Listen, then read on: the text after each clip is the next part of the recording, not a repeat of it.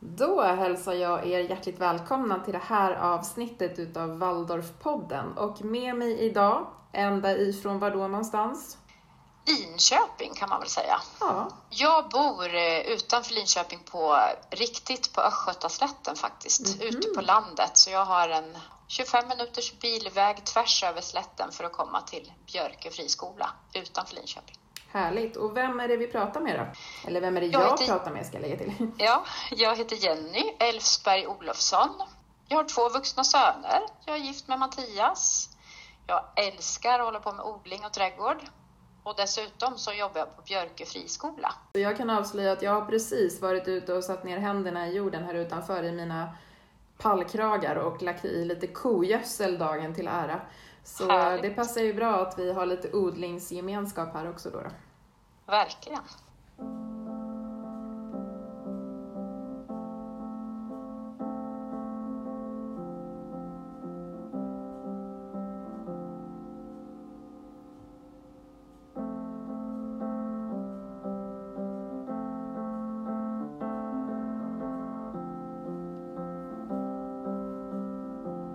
Då hälsar jag er återigen då hjärtligt välkomna till det här avsnittet utav Waldorfpodden. Och med mig idag då Jenny Elfsberg Olofsson, ända ifrån, ja, ute på Östgötaslätten kom vi väl överens om att du befinner dig, eller? Verkligen, precis. Hur ser det ut utanför dig just nu då när du kikar ut? Det är eh, grönt och lite bruna åkrar får man säga. Och så tittar solen fram faktiskt. Det är några plusgrader idag. Ja, och vi kör ju den här intervjun på långfredagen av alla dagar, men så kan det bli när man jobbar mycket som både du och jag gör. Då hittar Ja. man den lediga dag som finns, eller hur? Precis. Eh, Jag tänkte höra med dig inledningsvis om du vill berätta lite om vem du är och varför just du är med i ett avsnitt utav Waldorfpodden. Ja, jag heter alltså Jenny och eh, jag jobbar sedan 15 år tillbaka på Björke friskola som ligger utanför Linköping. Jag kom faktiskt på häromdagen att nästa år, 2022, så firar vi 30 år på Björkö. Så jag har alltså spenderat halva, halva den tiden har jag funnits där och jobbat där med olika saker. Jag pluggar också på Waldorflärarhögskolan och har också lyssnat på alla dina poddar. Så därav hörde jag av mig till dig. Det blev inledningen till den här podden kan man säga. Precis, och jag blir så himla glad när folk hör av sig och framförallt när man har lite konstruktiva idéer som du har. För att vi enades ju ganska snabbt om att det finns ju ett avsnitt som vi saknar lite grann kan vi säga i alla poddavsnitt som har spelats in hittills och det är ju det här med en students vinkling kan man säga, alltså hur det är att gå på Waldorflärarhögskolan. Och eh, det gör ju du och är snart färdig dessutom så att jag blev otroligt glad när du sa att jo men vi kör, vi spelar in ett avsnitt här och så får vi se vad det, vad det landar i sådär. Ja, ja men det blir spännande. Och eh, du avslöjade ju lite där nu då, i och med att du sa att ni firar 30-årsjubileum där nästa år då, men du avslöjade ju också att du hade ju varit på skolan i ungefär 15 år nu då. då. Och det föranleder ju mig till nästa fråga här då, då och det handlar ju om att, ja inte bara hur länge, men hur du kom i kontakt med Waldorfpedagogiken överhuvudtaget. Jag har ett, faktiskt ett ganska tidigt minne. Jag tror att jag kanske är runt sju år och eh, min mamma syr varsin Waldorfdocka till mig och min syster i julklapp. Och så tror jag att jag frågar någonting om varför det heter Waldorfdocka. Och då säger hon någonting om Waldorfpedagogik och Steiner. Så det är liksom ett sånt där tidigt minne jag har. Och sen minns jag också från min statliga, jag har också en statlig lärarutbildning som jag gick i början av 2000-talet. Och eh, då minns jag också där att under någon av de eh, ja, men utbildningsvetenskapliga inslagen så hade vi föreläsare som skulle föreläsa om alternativa pedagogiker. Och då kom det två stycken från eh, det som var vårt gymnasium i stan då, som hette Björkefria och föreläste om Waldorfpedagogik. Och sen när jag var klar med min utbildning och skulle börja söka jobb som lärare, då var det faktiskt inte jättegott om lärarjobb att söka. Men Björke friskola hade en annons som jag läste och något jobb där som jag sökte och var på intervju för. Väldigt speciell intervju skulle jag säga. Jag tror att det var kanske fyra eller fem ifrån kollegor som deltog i intervjun och någon kom och någon gick och någon ställde någon fråga. Man kände oj, liksom, vad är det här jag är med om? Så, så började jag helt enkelt jobba där, fick in en fot och den har jag behållit där kan man säga. 15 år snart. Mm. Ja men grattis till det verkligen och jag känner igen ja. det där med när man blir intervjuad när man väl ska bli anställd. Så var det när jag skulle anställas på Martinskolan för många herrans år sedan. Det var liksom fyra personer som satt och tittade på en. Och så vet jag att jag också fick en fråga sådär att aha, men om det blir kaos i ett klassrum, vad gör du då? Ja, men då löser jag det sådär, så gott jag kan. Jaha, ja, är du säker på att du kan lösa det och så vidare. Det roliga är att de här personerna som satt och tittade så här lite barskt på mig där då den här dagen, de blev jag ju sen väldigt god vän med faktiskt. För vi jobbade ju ihop i massor med år på skolan och vi brukade skoja om det där sen ganska mycket i efterhand också. Men det, det blev ett bra möte och det ledde till att jag precis som du också började jobba sen. Känner du att det var liksom ett bra val? Känner du dig nöjd där, där du är? Alltså jag älskar ju mitt jobb. Jag älskar Björke friskola. Jag tycker dels alltså vi har en fantastisk miljö att få jobba i och att få utvecklas i som människa.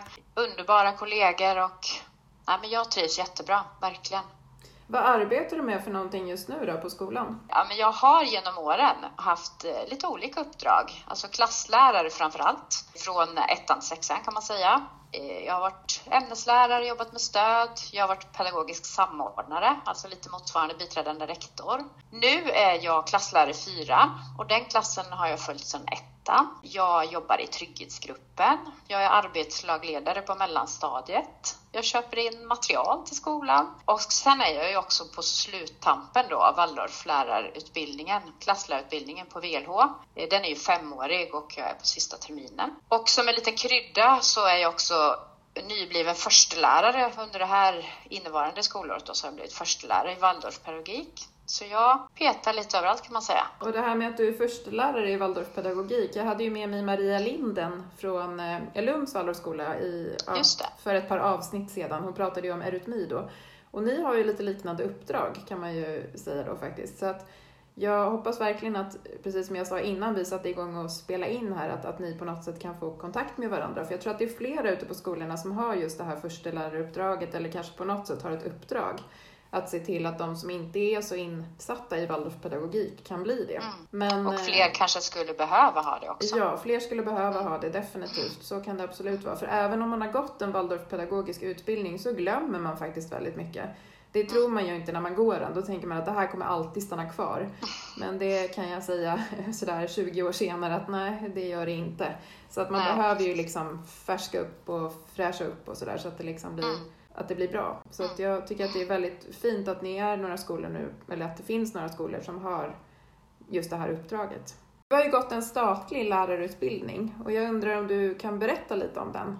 När jag sökte den så var jag i ett läge i livet när jag kände att det var dags för att göra någonting nytt. Jobbat i särskild omsorgen, hunnit få ett par barn och de hade väl blivit fyra och sex år. Så att jag bestämde mig för att söka lite olika högskoleutbildningar och en av dem vara lärare och jag tänkte att jag, ska väl, jag vill gå någon utbildning som inte är allt för lång. Ja, men då blev det att jag sökte bland annat den och kom in på lärarutbildningen och eh, gick eh, F till 6 och eh, inriktade mig på grundläggande färdigheter i matte och svenska och eh, skrev ett examensarbete som handlade om matematik och tjejer och killars förhållningssätt till sig själva i förhållande till matematik och hur det liksom påverkar dem. Det som den utbildningen tror jag gjorde mest för mig, det var att jag jag, blev, jag upplevde att jag blev liksom en mer kritiskt tänkande människa kan man säga.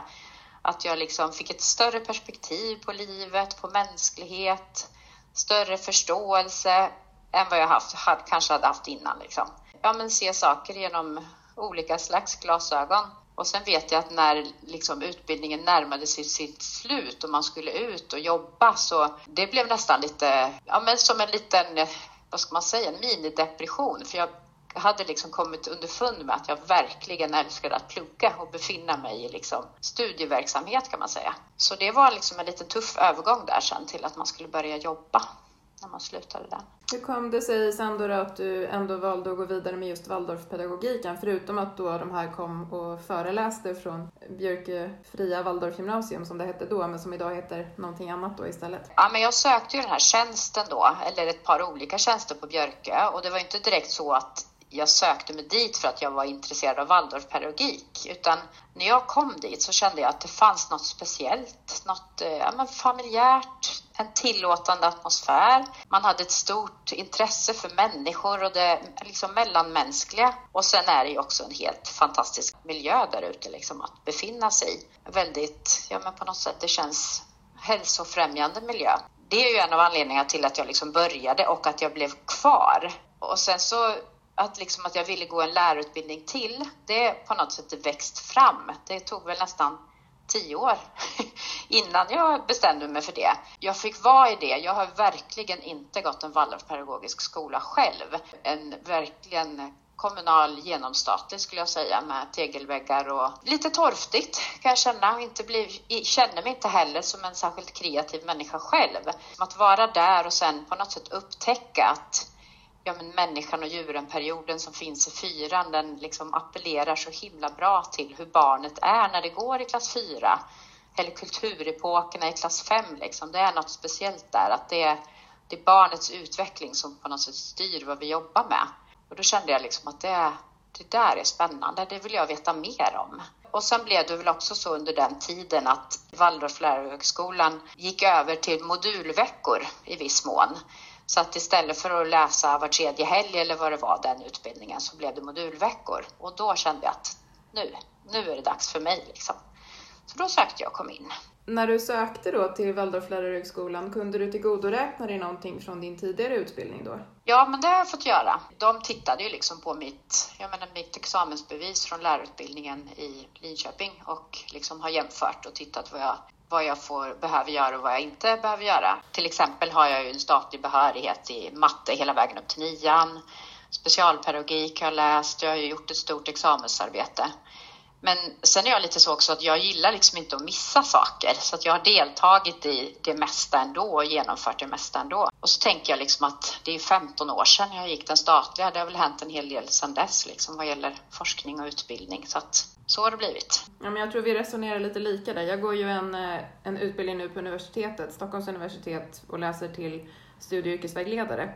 Har ju den praktiska biten sedan lång tid tillbaka men nu vill jag ha teorin, precis som du sa mm. det här med att man blir aldrig fullärd liksom så. Nej. Och nu, just nu har vi en kurs som jag egentligen skulle ha kunnat tillgodoräknat mig om jag verkligen hade varit lite på tårna. Just för att det handlar om undervisningsdel. Men jag kände på något vis att nej, jag, nu kör jag den här ändå för att mm. jag måste få in de här grejerna liksom och se hur tänker man liksom universitetsvärlden kring det och så också. Mm. Hålla sig, ja, men jag gillar den här tanken på att också liksom hålla sig i ständig utveckling, utbildning. Så nu känner jag lite så här när den här utbildningen, alla på jobbet här bara, åh men vad skönt att, är det, är det skönt att vara klar snart? Ja, det, det är det väl, men det känns också vemodigt tycker jag. Jag funderar på, jag kanske får göra en master nu så att jag på något sätt kan hänga mig kvar liksom i, på VLH eller så. Jag vet inte. Jag tycker absolut att du ska göra en master och då kan du ju dessutom söka bidrag ifrån oss på Waldorfskolefederationen så det tycker jag verkligen att du ska göra. Om du ah, känner att du är motiverad och vill studera så tycker jag definitivt att du ska göra det. När du gick på Waldorflärarutbildningen sen, kunde du se några tydliga skillnader och kunde du se också kanske likheter mellan den statliga utbildningen och Waldorflärarutbildningen? Ja men absolut, både likheter och skillnader. Nu är det ju som sagt 15 år sedan jag gick så att jag kan inte uttala mig så mycket om hur den ser ut nu för den förändras ju förhoppningsvis, den statliga lärarutbildningen och Waldorflärarutbildningen skulle jag säga att jag upplever har förändrats mycket utifrån liksom hur man har upplevt att det var tidigare och så. Men en stor skillnad liksom när jag försöker gå in och tänka på det mer, det är att jag tänker att jag har fått med mig mer konkret didaktik på Waldorflärarutbildningen.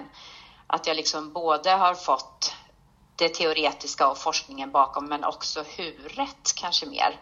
Hur kan man göra någonting? Hur kan man bearbeta det här konstnärligt? Hur kan man lägga upp en period så att man kanske har lite mera kött på benen än vad jag kanske tyckte att jag hade när jag var färdig med min statliga utbildning. Och sen är ju en stor skillnad när man pluggar på VLH, det är ju att de allra flesta, eller utbildningen bygger väl i princip på att man är, alltså att man arbetar i en verksamhet och att man liksom då har man ju hela tiden en fot i båda världar och man kan liksom hela tiden omsätta och pröva det som man får med sig i utbildningen i verksamheten. Så att man kan hela tiden liksom låta dem korsbefrukta varandra kan man säga. Eh, sen tänker jag också på en sak som Caroline Bratt, rektor på VLO, pratade om när du intervjuade henne. Och hon pratade om olika styrmodeller och skolsystem och att skolor ofta styrs av kontroll. Men att det finns alternativa styrmodeller och så pratar hon om tillitsbaserad styrmodell. Och det tycker jag mig, liksom det är det jag tycker mig jag har fått uppleva de här åren på VLH verkligen. Här har man en tillitsbaserad styrmodell. Man ser varje student. Det finns hela tiden en känsla av tillit liksom i relationen till studenterna. Man känner sig litad på, så, så jobbar man också på ett lite annat sätt när man känner att ja, men den här läraren liksom litar på att jag kommer att göra det jag ska eller att det kommer bli bra så, så blir det på ett lite annat sätt än vad jag kanske upplevde på min statliga utbildning. Och för mig så på något sätt så är tillitsbaserad styrmodell också väldigt, väldigt tätt förankrad med Waldorfpedagogik, måste jag säga. Men jag är jättetacksam över båda mina lärarutbildningar. Jag tänker att det liksom har givit mig massa olika delar som ger mig en bra, stabil grund att stå på. Mm. I livet och i jobbet. Mm. Ja men precis och du har ju ändå gått verkligen nu ett par år, precis som dina kollegor säger och som du säger själv också, det kommer såklart bli tomt för att när man är van att studera så mycket som du ändå har gjort så, så blir det också på något vis en del av ens liv och vardag sådär att man liksom mm. ändå har någonting vid sidan om som man vet att det här måste jag göra och sådär. Mm, precis. Men ja, du är ju snart färdig då som du sa. Hur känns det? Men det blir både, det är väl skönt och lite sorgligt. Nej, men jag, eh, jag funderar sådär, nej men vänta nu, historien den var ju himla spännande. Skulle man kunna gå den en gång till eller kan man... lite så känns det. Att ja, vi får se hur jag kan hänga mig kvar på något sätt. Ja, men de, de kanske får ha lite vidareutbildningar då för er som har gått tidigare som känner att det finns ett sug efter mer sådär. Ja, precis. Och jag tänker liksom en sak som jag gör redan i mitt första läraruppdrag, det är liksom att jag använder dem ganska ofta som bollplank i olika frågor. Och att jag liksom, tanken att liksom i första läraruppdraget, som vi kanske pratar mer om längre fram, det är ju inte att att jag ska utbilda alla, utan att jag på något sätt syr ihop saker eller hittar kontakter eller har, känner människor som kan eller sådär. Och där är ju ja, de på VLH fantastiska mm. att ha liksom. Ja men verkligen och de kan man ju som sagt kontakta också, inte bara vad det gäller just den typen av rådgivning och bollplank och sådär utan att också vad det gäller föreläsningar och mycket, mycket annat. Så att det mm. har vi ju rekommenderat i flera avsnitt av Waldorfpodden och jag säger det återigen att tveka inte att ta kontakt med dem om det är så att ni vill ha just ja, lite påfyllnad som jag brukar säga vad det gäller just utbildning och vad det gäller att stärka liksom skolans kompetens mm. så att säga. Mm. För de, de har ett gediget material att utgå ifrån. Och det finns mm. ju också material att beställa från VLH.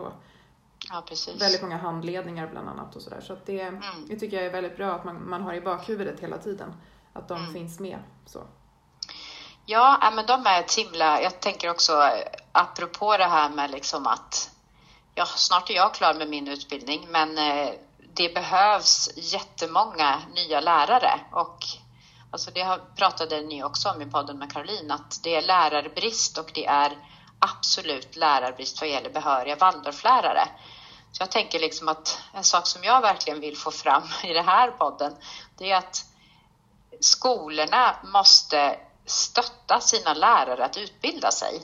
Vill vi kunna driva våra skolor vidare med utbildade Waldorflärare som är grundade i pedagogiken och förankrade i modern forskning, då krävs det liksom att skolorna stöttar sina lärare att klara utbildningen parallellt med arbetet. Jag, jag tycker att det har funkat okej okay för mig, för jag, alltså att jag har studievana sedan tidigare hjälper ju såklart till. Men jag har också känt att jag har fått ett bra stöd från mitt jobb. Jag har fått en liten procent i min tjänst som är för studier. Vi har schemalagt så att den delen ligger i mitt fall på fredagar. Så då på fredagar liksom har jag tid till studier. Ja, men ekonomiskt stöd till resor, litteratur, och att man liksom på något sätt har känslan från sitt arbete att det här är viktigt att du gör det här. Det är viktigt att du orkar utan att liksom gå in i väggen, för man jobbar ju också parallellt. Så det är jätteviktigt att eh, jag tänker att alla skolor har eller borde ha någon slags långsiktig plan för vilka kompetenser man saknar och behöver. Och då behöver man matcha ihop det med sin utbildningsbudget och stötta de lärare som faktiskt kan tänka sig att ja, men bidra till att skolans kompetenser breddas. Och ibland så är det, alltså såklart är det här ekonomiska frågor för skolorna för att alla skolor kämpar med sin ekonomi. Men på något sätt så liksom hänger det ihop med att har man bra och proffsiga och utbildade lärare så är man ju en attraktiv skola, tänker jag. Att, och då får man elever och det är elever som stöttar upp ekonomin, eller på att säga. Det är elever vi får pengar från. Liksom. Mm. Ja, och det är som jag också brukar säga när, när folk frågar och sådär, hur det är att vara i skolan och hur det är att arbeta i skolan. Och brukar alltid säga att men, det är ju för eleverna man vill vara där. Det är ju mm. eleverna som är orsaken till att skolan finns. Så det är ju inte ett självändamål att jobba som lärare känner jag i mitt fall, utan det är mer att jag liksom ska just få den här dagliga kontakten med eleverna och liksom känna just det här att jag bidrar med någonting och för att mm. kunna bidra så måste jag ha en kunskapsbank och hämta saker mm. ifrån. Jag kan mm. inte komma dit som ett tomt blad, som man sa förr i tiden, sådär, att man var som ett tomt blad, utan jag måste ha någonting att hämta saker ifrån. Mm. Annars så blir det också att, precis som du är inne på här, att det blir väldigt, väldigt fattigt på något sätt. Alltså just om man nu tänker att skolan är fattig, som vi pratade om också, man har inte så mycket mm. bra ekonomi och sådär. Men det blir ju liksom ännu mer riskabelt skulle jag säga, när skolor inte vilar på att det finns liksom ett kollegium som har möjlighet att utbilda sig eller som har möjlighet att mm. vidareutbilda sig också. Mm. Så att det där måste man verkligen tänka på. Och det är också en väldigt, väldigt vanlig fråga från föräldrar, i alla fall här i Stockholm där jag är baserad så är det ju väldigt många som frågar vad har ni för utbildning? Vad har, vad har skolans lärare för utbildning? Mm. Och om man då svarar att jo, men de är Waldorflärare eller de är statligt utbildade lärare med Waldorf-pålägg så att säga, att man har lagt på utbildningar där sen, då blir ju folk mycket mer intresserade av att ha sina barn på skolorna, så är det ju. Så det, det, där, och det där gäller ju inte bara, jag skulle bara vilja betona att det gäller ju inte bara lärarna utan det gäller ju för fritidslärare, det gäller liksom för förskollärare, det gäller för de som är just Waldorflärare och även ämneslärare. Och allt det här går ju att få på Waldorflärarhögskolan, det får vi inte glömma bort. Bara slå ett litet slag för det nu sådär, nu är det ju sista anmälningsdag 30 april till många av utbildningarna. Mm. Och då är det ju ganska bra att ha det i bakhuvudet när man jobbar på en skola, att, att det är nu som man ska söka. Liksom så. Sen brukar de ibland förlänga ansökningstiden lite, men 30 april brukar vara just sista dagen som det går att söka. Ja, men sök! Det ja, är alltså jätte, jättehäftig utbildning måste jag säga. Man eh, utmanar sig själv på många olika sätt. Mm. Både liksom att lära sig mer om pedagogiken, antroposofi. En jättespännande grej under utbildningen måste jag säga, det var ett, det stora hantverksprojektet. Då ska man ju ja, men välja någon form av hantverk som man antingen kanske aldrig har provat på innan eller något som man är intresserad av men kan tänka sig att fördjupa sig mycket i och genomföra ett större projekt. Eh, och då var det, det var väldigt olika vad mina klasskamrater valde. Jag bestämde mig för att jag, apropå mitt trädgårdsintresse lite, bestämde mig för att jag skulle lära mig svetsa. så det gjorde jag. Så jag svetsade och svetsade och svetsade. Men jag gjorde i alla fall en jättestor rosenbåge som jag nu faktiskt, eller som en, ja, men en portal som sitter i min trädgård nu. Jag tror aldrig att jag hade liksom kommit på tanken att ta mig an ett sådant projekt om jag inte hade varit tvungen i en sån här utbildning. Och jag är jättetacksam för att jag gjorde det. Så det är en rolig del. Ja, verkligen. Och precis som, som vi har varit inne på, då, i år så är det ju bland annat fritidslärarutbildningen som man hoppas ska fyllas på lite grann och sådär. Och det skulle jag säga är ju ett område inom Waldorfskolan där vi verkligen behöver bli bättre på att få just utbildad personal. Eh, ja. Sen brukar många bli arga när jag säger det, men jag vidhåller det jag sa inledningsvis här också, att för att kunna hålla fritids igång på ett bra sätt, för att kunna hålla skolan igång på ett bra sätt, hålla förskola igång, så behöver man ha utbildad personal. Så ser det ut. Så att, eh, jag hoppas verkligen att, att det är flera som, som söker och som låter, precis som du säger, låter sina lärare och sin personal söka de här utbildningarna. Ja, nu när du har gått då de här åren på Waldorflärarhögskolan, tycker du att eh, Waldorflärarutbildningen lever upp till dina förväntningar? Ja, alltså jag vet egentligen inte riktigt vad jag hade för förväntningar när jag skulle börja. Om man tittar tillbaka kanske 10-15 år i tiden så kunde ju, alltså upplevdes nog utbildningen som kanske lite flummig. Så är det ju verkligen inte. En del lever kanske kvar i den föreställningen och det tycker jag är flummigt. Då måste man ta reda på hur det ligger till. Det kan man väl säga att jag har gjort under fem års tid nu. Alltså en, en statligt finansierad högskoleutbildning den måste vara forskningsbaserad och så är det ju såklart med utbildningen på VLH. Man är jättetydlig med att man följer liksom undervisningen bygger på att vi ska arbeta utifrån Lgr 11 på ett Waldorfpedagogiskt sätt och med en väg till frihet i fokus. Det finns inget flum över det. Nej, men jag tänker att eh, klasslärarutbildningen är på VLH är väldigt i tiden. Man kan liksom inte luta sig tillbaka på gamla meriter eller gammalt utan man måste, man måste vara med och hålla sig uppdaterad vad gäller forskning den vetenskapliga förankringen som finns i utbildningen på VLH, det perspektivet tillsammans med liksom konstnärligt arbete och ja, men att arbeta med hela människan, det tillitsbaserade som vi pratade om tidigare, eh, det känns som helt rätt i tiden. Du nämnde ju tidigare här att du har ett första läraruppdrag på skolan i vilket det då bland annat ingår att du ska prata just om och fördjupa det Waldorfpedagogiska på skolan. Så. Men hur länge har du haft det här första läraruppdraget och hur, hur kom det sig att du tog dig an det? Ja, men det dök upp som en tjänst nu under hösten kan man säga. För mig personligen så har det liksom under en ganska lång tid känts viktigt att vi på skolan försöker stärka upp det Waldorfpedagogiska. Det är många som är, ganska många som är nya eller relativt nya som inte riktigt har ja, men, fått någon Waldorfpedagogisk utbildning så. Så att eh, när det här uppdraget dök upp så kände jag att ja, det här vill jag jättegärna göra. Det kändes också som det kom perfekt liksom att jag är i slutet av min Waldorfutbildning. Jag har mycket kopplingar både till folk på VLH men också liksom lärt känna många nya människor över Sverige som är förankrade i, i Waldorfpedagogik på olika sätt. Så. Då dök den här tjänsten upp och den innebär att jag eh, ja, men till exempel ska planera och genomföra introduktionskurs för nyanställda. Vi har storkollegor som jag ska vara med och planera upp.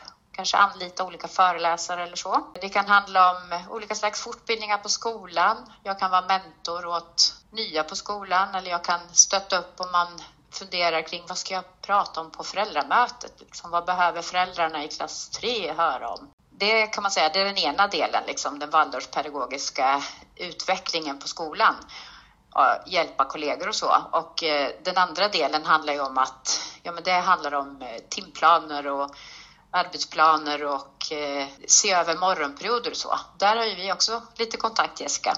Absolut. Eh, ja, men så kan man säga ungefär att upplägget är. Så det håller vi på med jättemycket nu. Det här med att se över morgonperioder och min rektor sitter från morgon till kväll och räknar över till, timplaner och gör om lite och så. Så det är en stor del nu. Eh, sen eh, är det ju också så att i, slutet av Waldorflärarutbildningen så ska man göra ett eh, examensarbete och jag har ju gjort ex examensarbete som jag får tillgodoräkna mig. Men eh, jag kände ändå att jag på något sätt ville göra någonting liksom för att knyta ihop min utbildningstid på VLH. Och då är det också så att det råkar sammanfalla med att den klassen som jag hade från att de gick ettan till sexan slut, de går ut nian snart. Så då tänkte jag att jag knyter ihop min utbildning eh, med deras, att de knyter ihop sin utbildningstid på Björkö. Så då har jag gjort en undersökning i våra nia där jag intervjuat ungefär halva klassen i gruppintervjuer om vad de liksom tycker. Jag gör en en liten undersökning med dem där jag intervjuar dem om deras grundskoletid. Jag har också känt att jag blir väldigt inspirerad av Rui Tysons arbete och hans ja, men fokus på positiva lärtillfällen, positiva bildningssituationer. Så att det fokuset har jag med mig i min lilla undersökning. Det är så himla fint och värdefullt att få sitta ner och prata med de här eleverna. Det blir liksom en Ja, men det, är som en liten, det är en gåva till mig och skolan som de liksom lämnar efter sig. Och jag vet ju om att jag, liksom, jag är medveten om att jag i min roll som forskare, jag känner dem och det skulle kunna liksom påverka hur de svarar. Men det kan också vara liksom så att det, det relationella som finns också gör att de vågar säga saker som de kanske inte hade sagt annars. Och så, och så tänker jag mig att det här, de bidrar nu till att hjälpa till och liksom lära oss hur vi kan, vad har vi gjort bra och vad borde vi göra mer av det i så fall? Så att de kan lämna efter sig någon slags hjälp till oss hur vi ska vidareutveckla oss som skola. Det är jättehäftigt att få, få göra. Kan du se några speciella saker så här långt då? För du är ju inte färdig, men jag tänker om det är några saker som du ändå kan se att men det lutar lite åt det, eller det finns en tendens till det här eller så? Lite försiktig eftersom jag liksom inte alls är klar med min analys än, men det som ändå flera av dem pratar om, det är ju jag som lärare som har följt dem i sex år och även nu liksom de som jobbar med dem på högstadiet pratar ju om den här klassen som en, en väldigt eh, ja, men det är en väldigt fin klass. Det finns någonting väldigt fint emellan dem. Det är väldigt, eh, ja, men det finns en tillåtande atmosfär i gruppen som man känner och också som jag tror man känner när man har kommit in som ny elev. Och det där är man ju himla nyfiken på. Vad är det där? Det, det är någon form av etisk bildning, någonting som man skulle vilja sätta fingret på. Och det som de själva lyfter, de pratar ju om varandra som en, ja men man är trygg här, man, man känner alla, man kan vara med vem som helst. De lyfter alla projekt som de har gjort tillsammans. De pratar om de stora teaterprojekten och hur man kanske från början kände att nej, jag vill ha en väldigt liten roll. Jag kan vara ett träd eller en sten till att man känner nej, men jag, jag vill gärna liksom, jag kan tänka mig något större. Och att det tänker jag, det säger någonting, både om, om gruppen och de runt omkring. Och de pratar också som de pratar väldigt gott om sina relationer med lärarna. De beskriver sin grundskola också på ett sätt som gör att man skulle vilja gå där, känner jag. Nej, men de pratar om skolan som liksom, ah, det är skönt att den ligger på landet. Det är, eh, det är naturmaterial. Man kan vara som man är. Man behöver inte göra till sig, man kan vara som man är. Det är en del av det de säger. Jag tänker utifrån det som du berättar nu, det här med hur det är att gå i skola ute på landet och, och så någonstans kanske det vore kul, apropå om du vill fördjupa dig nu då, nu ger jag ett litet tips här till din masteruppsats, men det är ju någonting som jag har tänkt mycket på också, just det här, hur är det i staden kontra ute på landet? Mm. Alltså hur är det att gå i Waldorfskola in i liksom en större stad, Göteborg, Stockholm, kontra att liksom gå ut på landsbygden? Mm. Vad har de för olika erfarenheter? Man brukar ju prata om en skolanda och det gör vi i några av, av Waldorfpoddens avsnitt mm. också, just där att man kan känna av stämningen på en skola ganska snabbt. Där har ju jag ändå ett privilegium att jag har haft möjlighet att åka runt och besöka väldigt många skolor tack vare mitt jobb på Waldorfskolefederationen. Och, och mm. därigenom har jag också kunnat se den här, att det finns någonting kontra liksom, alltså staden kontra landsbygden så. Och det är ingenting mm. som är negativt eller positivt eller så, utan att det är mer den här känslan av hur det är. Ja, men hur, hur det finns med liksom just det här med trygghet och hur det är med liksom det här med, med att våga lära sig saker och att våga liksom säga som det är och, och lite mm. sådana saker. Och det där kan ju också te sig väldigt, väldigt olika i olika klasser vill jag ju betona då. Så att det här är ju mm. också inga, det här är inget så här forskningsbelägg Nej, liksom, precis. och slutsatser så, utan att just att jag kan se att, att mycket handlar ju också om en klassanda.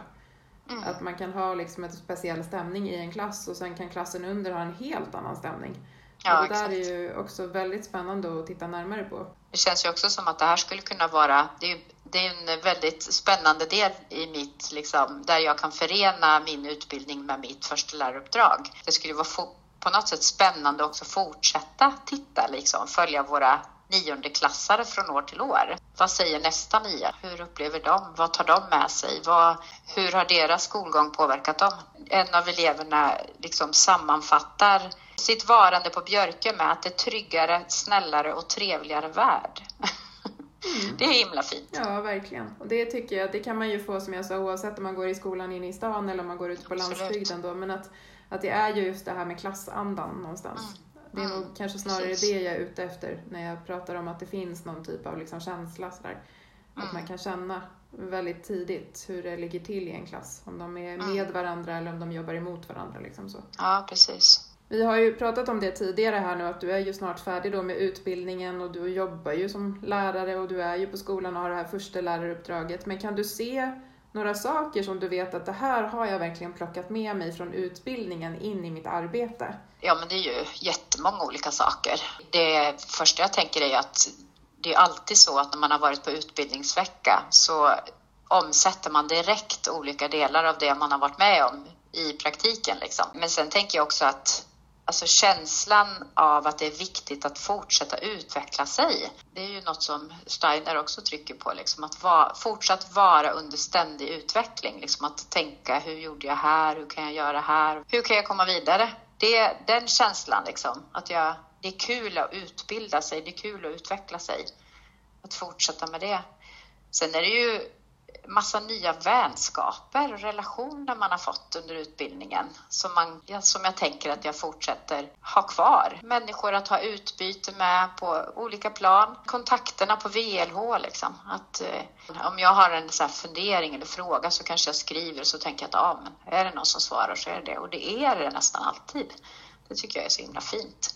Så det tar jag också med mig och hoppas att jag också själv kan vara så folk liksom hör av sig när de funderar över saker eller behöver hjälp med saker. Så. Känner du att du har en bredare grund att stå på eller att du har liksom, är mer förankrad i, i det du gör? Absolut, absolut. Jag tänkte på det att vi hade också någon slags förstelärareprocess för ett antal år sedan när det var liksom lite sådär, ja men vad vi skulle satsa på försteläraruppdrag i och så blev det inom SPES det har jag tänkt att på något sätt så var det verkligen meningen att det inte skulle bli Waldorfpedagogik nu för nu eh, så, så, känner jag mig liksom, jag känner mig trygg i uppdraget och jo men jag känner absolut att jag är mer förankrad i det Waldorfpedagogiska och också att jag har en himla massa källor att gå till.